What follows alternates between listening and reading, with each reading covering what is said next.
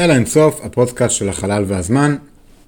ברוכים הבאים, אני טל סוסובר, ויחד ננסה לענות על החידות של היקום בשפה פשוטה וללא מתמטיקה מסובכת. לא יהיה פשוט, אבל יהיה מרתק. טוב, חברים, זהו זה. סוף המשחק. פרק האחרון, Game Over של תורת המיתרים. זה היה חתיכת משחק, אה? עברנו מסע. מסע סביב תורת המיתרים. הבמה עליה כל הדיון שלנו מתקיים הוא התיאוריה של הכל. בסוף היום, יש לנו בעיה קשה מאוד. אנחנו לא מצליחים לגשר בין מכניקת הקוונטים לתורת היחסות הכללית. מכניקת הקוונטים היא תיאור מעולה של כל מה שקורה ברמות הקטנות ביותר.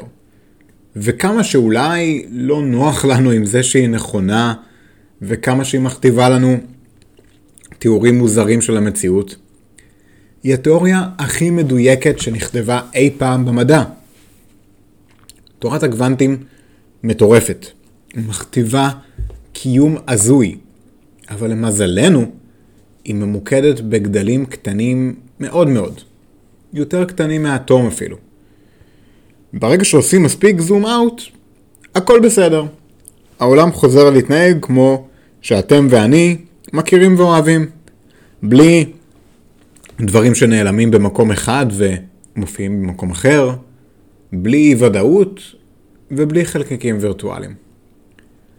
לעומתה, תורת היחסות הכללית מתארת את ההתנהגויות של הסקלות הגדולות ביותר, של הגדלים הגדולים ביותר ביקום. אמנם, במונחים שלנו ניתן לתאר את הכבידה בצורה מעולה, תוך שימוש במשוואה של ניוטון בלבד. אבל מסתבר שכאשר הכבידה הרבה יותר חזקה, כבר לא מדויק להסתכל עליה רק במונחים ניוטונים. איינשטיין הראה שמסה לא באמת מושכת מסה אחרת, אלא מסה מעקמת את מרחב הזמן, ומרחב הזמן העקום אומר לחומר איך לנוע עליו. זוהי תורת היחסות על קצה המזלג. עכשיו, כבידה היא כוח חלש מאוד. חלש מאוד מאוד. הצגנו את זה כשדיברנו על בעיית ההיררכיה. הכבידה חלשה ב-10 בחזקת מינוס 32, שזה טריל... פי טריליון, טריליון, טריליון, מיליון פעם יותר חלשה מהכוח הגרעיני החלש. החלש, כן? כלומר, הכבידה היא הכי חלשה בטבע בפער. ולכן, היא פשוט לא משחקת שום תפקיד במכניקת הקוונטים. צריך הרבה מאוד חומר בשביל שנתחיל לדבר על כבידה שעושה משהו. לכן, גם מכניקת הקוונטים לא משפיעה על כבידה. ריכוזים גבוהים של חומר לא מופיעים בנקודות קטנים בצורה קוונטית. אז נראה שהכל טוב. אבל כמובן שלא. יש לנו בעיה. בעיה גדולה. דיברנו עליה בפרק 56 על מכניקת הקוונטים. יש לנו בעיה בשני מקומות ביקום. אלו במקרה גם שני המקומות הכי מעניינים ביקום. רגע המפץ הגדול והמרכז של חורים שחורים. הבעיה היא שתורת הקוונטים חיה על רקע שטוח. היא חיה ומשחקת על במה שטוחה. היא לא משפיעה על הבמה. ואם כן, יש לנו בעיה שדיברנו עליה בהרחבה בפרק הקודם. ההחלקה על הקרח. נראה שהכבידה היא שונה מהותית מיתר הכוחות, והפיזיקה שיש לנו כרגע לא מצליחה לקשר על זה. וכאן הופיעה גישה חדשה. במקום להסתכל על החלקיקים הקוונטיים כעל נקודות במרחב, בואו נסתכל עליהם כמיתרים. כלומר, גופים חד-מימדיים, או דו-מימדיים, לא אפס-מימדיים. בסוף, תורת המיתרים ניתנת לסיכום במשפט אחד. הכל עשוי ממיתרים קטנים, לא מנקודות, והם רוטטים, ויש סופר סימטריה לכל חלקיק, וכן, יש המון מימדים נוספים, אבל המימדים האלו מאוד קטנים, אז זה לא big deal עבורנו. שימו לב, והצגנו את זה גם בפרקים הקודמים. תורת המיתרים מורכבת משלושה אלמנטים מרכזיים. המיתרים כמובן, קודם כל, אבל גם סופרסימטריה ומימדים נוספים. אלו שלושת הרכיבים של תורת המיתרים, וכל אחד מהם בעייתי של עצמו. ולכל אחד מהם הקדשנו פרק משלו, וראינו גם את הבעייתיות, אבל גם את העניין שיש בהם. בשורה התחתונה, לא ברור האם יש מימדים בכלל, האם סופרסימטריה קיימת, ואיך בדיוק מגיעים למימדים הנוספים האלו. אנחנו לא קרובים לגילוי של אף אחד מהשלושה. כל הניסויים שנעשו עד כה רק מוכיחים לנו שאם יש מימדים נוספים, אז הם קטנים יותר ממה שחשבנו. אם יש סופרסימטריה, היא מסובכת יותר ממה שחשבנו. ואם יש מיתרים, אז הם מתחבאים היטב. בכל מקרה, תורת המיתרים התפתחה עם השנים בחמש גרסאות שונות, שלבסוף אוחדו לתיאוריה אחת.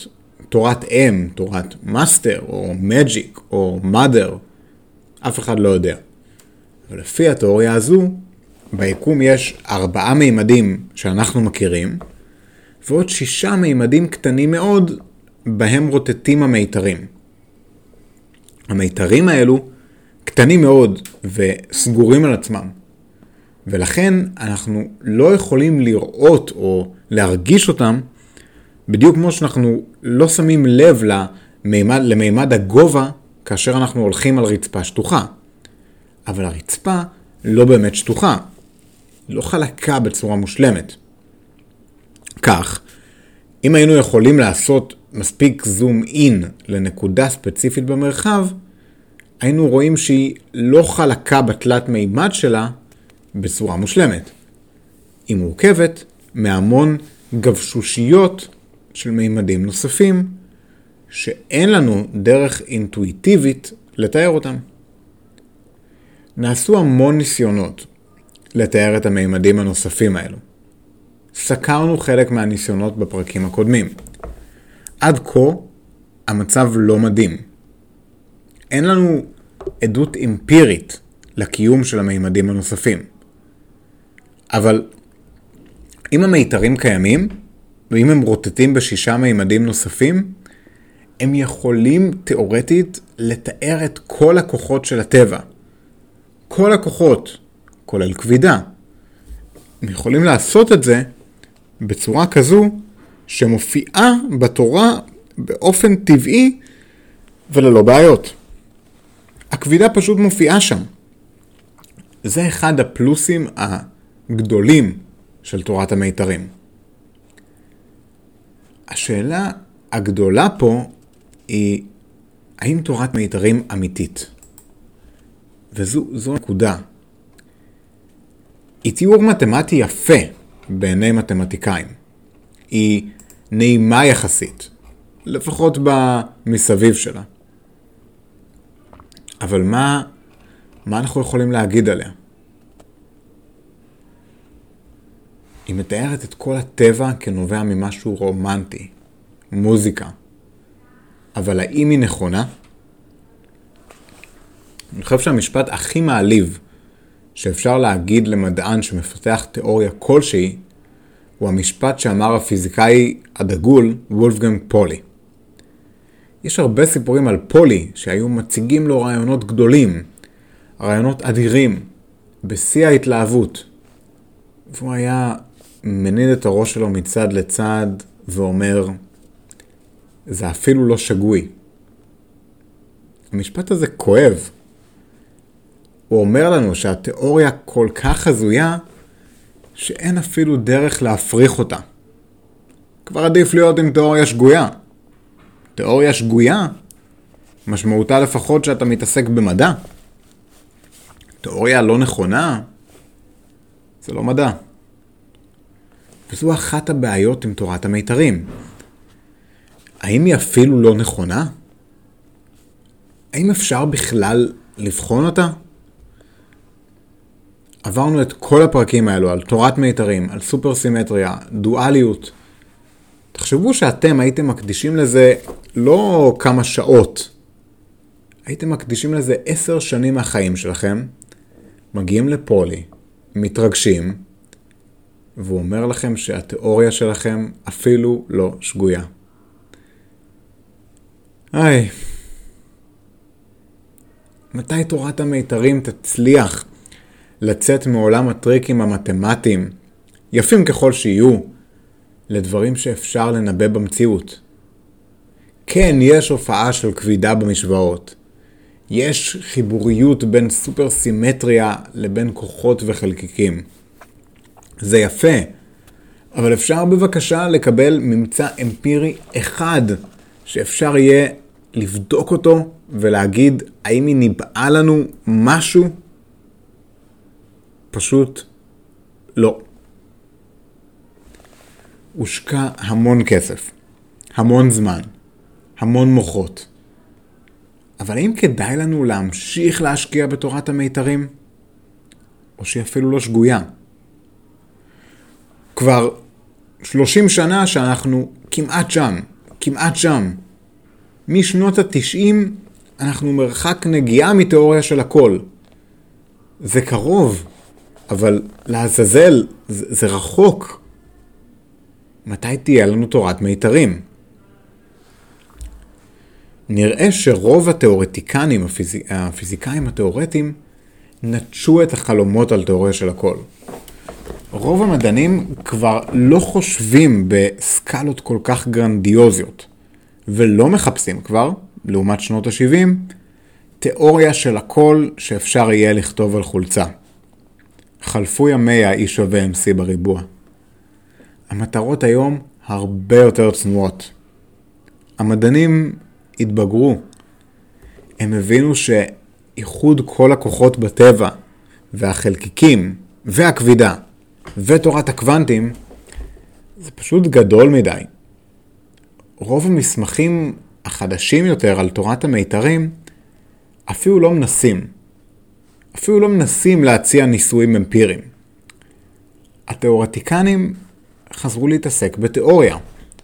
חזרו למשוואות, חזרו למתמטיקה.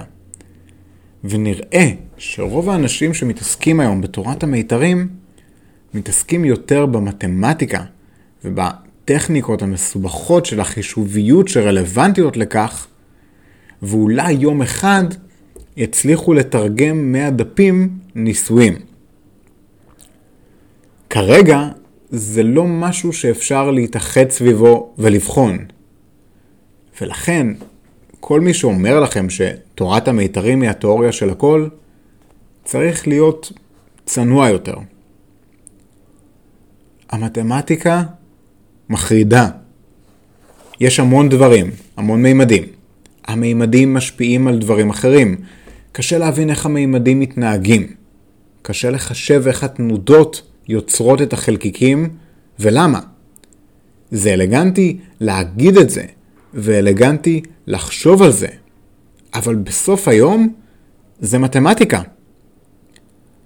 המגוון העצום של היקומים והמימדים האפשריים, שלפחות 10 בחזקת 500 וכנראה משהו בסביבות ה-10 בחזקת 100 או 200 אלף, זה פשוט המספרים הכי גדולים שאי פעם נתקלתם בהם, ואי פעם תיתקלו בהם, אפילו בקוסמולוגיה, וזה אומר משהו.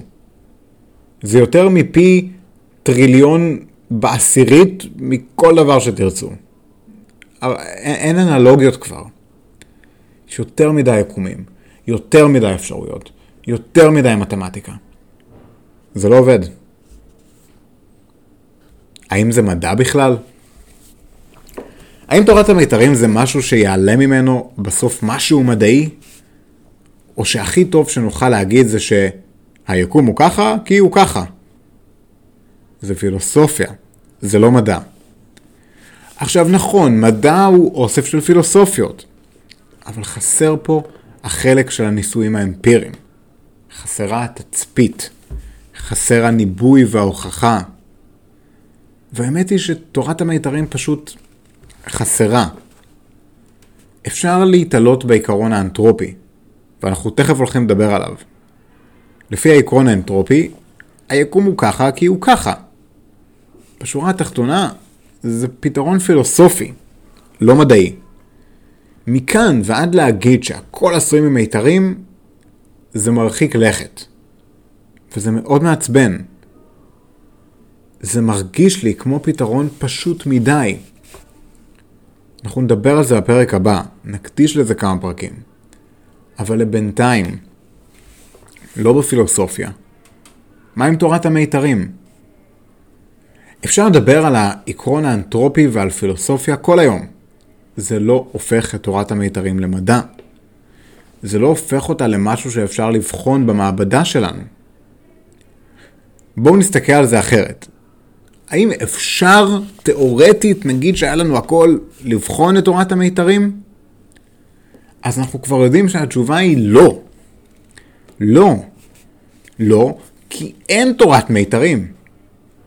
אין תיאוריה אחידה של מיתרים שאנחנו יכולים להיעזר בה. אין משהו ספציפי שאפשר לבחון ולהגיד האם הוא נכון או לא נכון. אפשר להוסיף הנחות. אפשר למשל להכניס לתורת המיתרים את הערך שלנו למטען חשמלי ולעבוד איתו ולראות מה מתקבל. אבל זו הנחה. זה כבר אומר שהתיאוריה לא מעלה את כל הטבע מתוך המתמטיקה בצורה מושלמת וטבעית וללא הנחות. זה מבאס, אבל חייבים להודות על האמת. אנחנו לא שם. וכן, יש המון היבריס, המון שחצנות. בעיקר אגב מאנשים שאין להם מושג על מה הם מדברים. אנשים אוהבים להגיד הרבה דברים, אבל הם לא מספקים לנו ממצאים אמפיריים לבדיקה. הבא שאומר לכם על תורת המיתרים שהיא תיאוריה של הכל, תשאלו אותו, איזה ערך אפשר לקחת מתורת המיתרים, לשים אותו בניסוי אפילו תיאורטי, ולקבל 1 או 0. עכשיו, שלא תבינו אותי לא נכון, אני מת על פילוסופיה. אבל פילוסופיה היא אפילו לא שגויה. מה שכן צריך להגיד, יש התקדמות. יש התקדמות במתמטיקה. יש התקדמות בעקביות של התיאוריות. יש עקביות בסדר ההופעה של הדברים. יש דברים מעניינים שמופיעים. יש הרבה היגיון, אבל זה בעייתי להתלהב מזה. עקביות היא תנאי הכרחי, אבל לא היחידי. בלי עקביות אי אפשר להתקדם. אבל זה לא שעקביות שווה תיאוריה נכונה.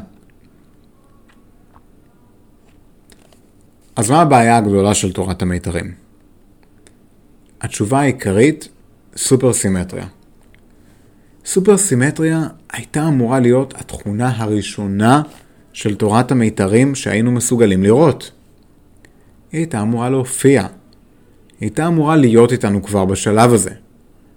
העובדה שלא גילינו עדיין חוסר סימטריה היא בעיה עצומה לתורת המיתרים.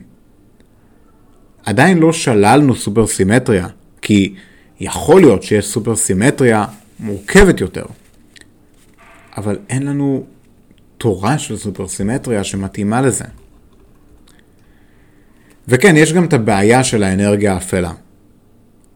האנרגיה האפלה היא מה שגורם לתוצאה, לתאוצת התפשטות היקום. דיברנו על זה בהמון פרקים כבר.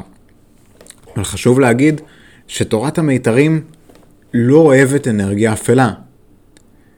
קשה למיתרים ולמימדים להסתדר עם מתמטיקה של יקום המתרחב בתאוצה. המשוואות קורסות, וזה לא טוב. נראה שתורת המיתרים מבטיחה קצת יותר מדי, ולא נותנת לנו מספיק בתמורה. כבר 20 שנה יש לנו קפיצות קטנות, אבל שום דבר לא מספיק בשביל להרים את תורת המיתרים מתיאוריה מתמטית לתיאוריה פיזיקלית. עכשיו, בואו נגיד שנגלה שתורת המיתרים נכונה. מה זה משנה לנו? מה יקרה לתורת היחסות? מה יקרה למכניקת הקוונטים? מה יקרה?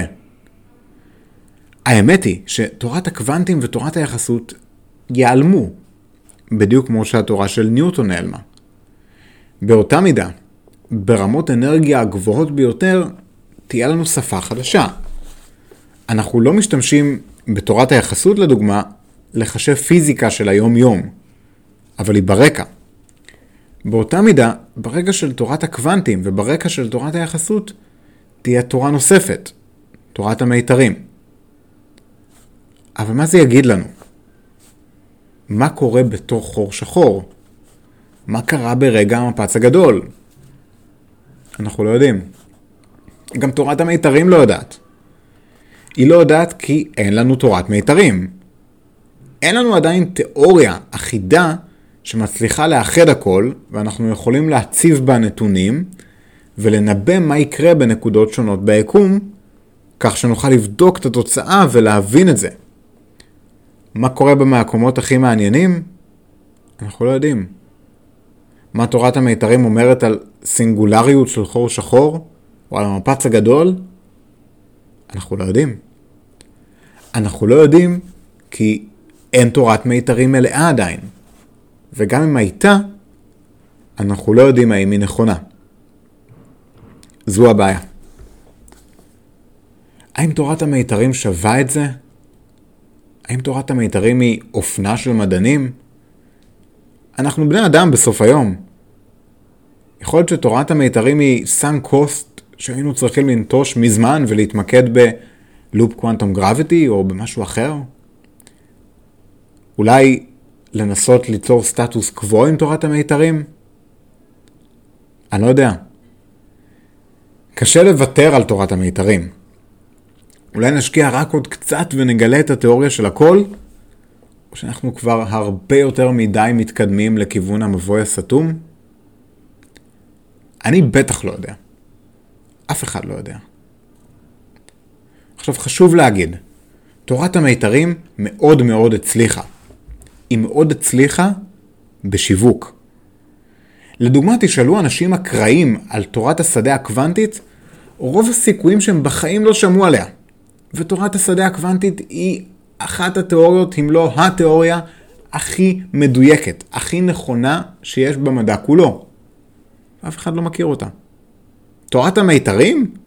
הרבה אנשים יספרו לכם עליה בלי שיש להם מושג על מה הם מדברים. כן, הכל זה מיתרים. לא יודע מי מדבר ככה. אבל לא. זה לא טוב. כן, היא הצליחה, הצליחה בשיווק, אבל לא הצליחה מספיק בפיזיקה. זה מסובך. זה מסובך, חברים, ואין לי, לי תשובות בשבילכם. תורת המיתרים יכולה להגיד דברים מעניינים. קודם כל, הגישה שלה למכניקת הקוונטים מאוד שונה מהמוכר לנו. אולי רק מתוך זה תצא לנו תורה קוונטית חדשה? אולי מתוך המחקר של הסופר סימטריה נגלה משהו אחר? אולי, אולי זה יכול לעזור. תורת המיתרים לא הייתה הכרה לגמרי. קיבלנו ממנה הרבה עקרונות חדשים, רעיונות חדשים. והשאלה הגדולה, האם תורת המיתרים היא אפילו מדע והאם היא אפילו שגויה? עדיין לא קיבלנו עליהן מענה. אני לא יודע. תראו, איינשטיין במשך כמה שנים עשה ניסויים מחשבתיים והגיע לתורת היחסות. רק כמה שנים אחרי שהיא הייתה, היא הוכחה אמפירית. יכול להיות שגם פה ייקח עוד כמה שנים של ניסויים מחשבתיים ומתמטיים ותיאורטיים, ואז נגיע לדברים שאפשר להוכיח. זה מסובך, אבל אולי זה אפשרי. ואי אפשר לבחון את זה. ואי אפשר לבחון את זה עדיין, שוב, כי אין לנו תורת מיתרים. אין לנו ידע עדיין לגבי מה היא מנבאת. ואפילו אם היה לנו מאיץ חלקיקים בגודל של הגלקסיה כולה, לא היינו יכולים לבדוק אותה. לא היינו יכולים לבדוק אותה כי אנחנו לא יודעים מה אנחנו בודקים. פשוט אין לנו תורה מאוחדת של הכל עדיין. אז מה יהיה העתיד של תורת המיתרים? אני לא יודע. נראה שרוב מדעני תורת המיתרים הפסיקו לנסות להגיע לתיאוריה של הכל.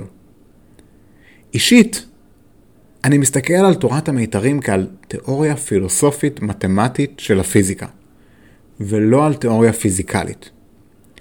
ההבחנה הזו חשובה. אני חושב, אתם יכולים להסכים איתי או לא, שלא צריך להרוג את תורת המיתרים, אבל כן צריך עוד להתקדם איתה. צריך לעבור עוד הרבה תחנות. סופר סימטריה, מימדים, מיתרים ועוד דברים רק כדי שנוכל להתחיל לדבר על הוכחה אמפירית בניסוי. ועד אז, אני מניח שתורת המיתרים תשתנה כמה פעמים. ויכול להיות שלא יהיו בה מיתרים, או מימדים, או סופר סימטריה, ויהיה בה משהו אחר. אתם יודעים כמה אני הייתי רוצה שהתיאוריה של הכל תהיה עם פיצות, נכון? אולי זו תהיה התיאוריה של הכל. ואחרי שתהיה לנו תורה שמנבט משהו, ואחרי שנוכל להריץ ניסוי, אחרי זה נדבר. עד אז, אני לא רוצה לשמוע יותר על תורת מיתרים בפודקאסט הזה לעולם. תודה, תודה, תודה לכם על ההקשבה. הפודקאסט של אלה אינסוף הוא יוזמה שלי להנגשת חקר החלל, תורת המיתרים, סופר סימטריה, מרחבים נוספים, מה שאתם רוצים, לכולם ולכולן, ללא הבדל גיל, ידע מתמטי או כל הבדל אחר. סקרנות היא של כולנו. היה לנו פרק טיפה עגום, אבל נראה לי שביטאתי לכם בצורה מאוד טובה מה אני מרגיש כלפי תורת המיתרים. אם אהבתם את דעתי או שלא אהבתם אותה, מוזמנים לשלוח לי אה, מייל, לשלוח לי הודעה בעמוד הפייסבוק, לכתוב פידבק, לכתוב משוב. אם אהבתם את הפרק, תנו לנו ציון של uh, חמישה כוכבים באפל פודקאסט או בספוטיפיי. אם לא אהבתם את הפרק, תנו לנו גם ציון של חמישה כוכבים. ככה או ככה, זה עוזר לנו להגיע לקהלים חדשים, וזה טוב שיש את המגוון של הדעות. אפילו אם אתם לא מסכימים איתי על תורת המיתרים. הפרקים האלו זמינים עבורכם בכל אתרי הפודקאסטים, כולל זה שאתם כרגע מאזינים ממנו. פרק כמו זה לוקח לי כמה עשרות שעות של עבודת מחקר, הכנה, הקלטה ועריכה. הפודקאסטים האלו מוגשים לכם בחינם, מתוך מטרה אישית להביא את חקר היקום לכולן ולכולן. אם אהבתם את הפרק הזה, שתפו עם מישהו שמכיר את תורת המיתרים ולא מכיר את תורת השדה הקוונטית. ותגידו לו, How dare you? ואז תסבירו לו על תורת המיתרים ודעתכם עליה.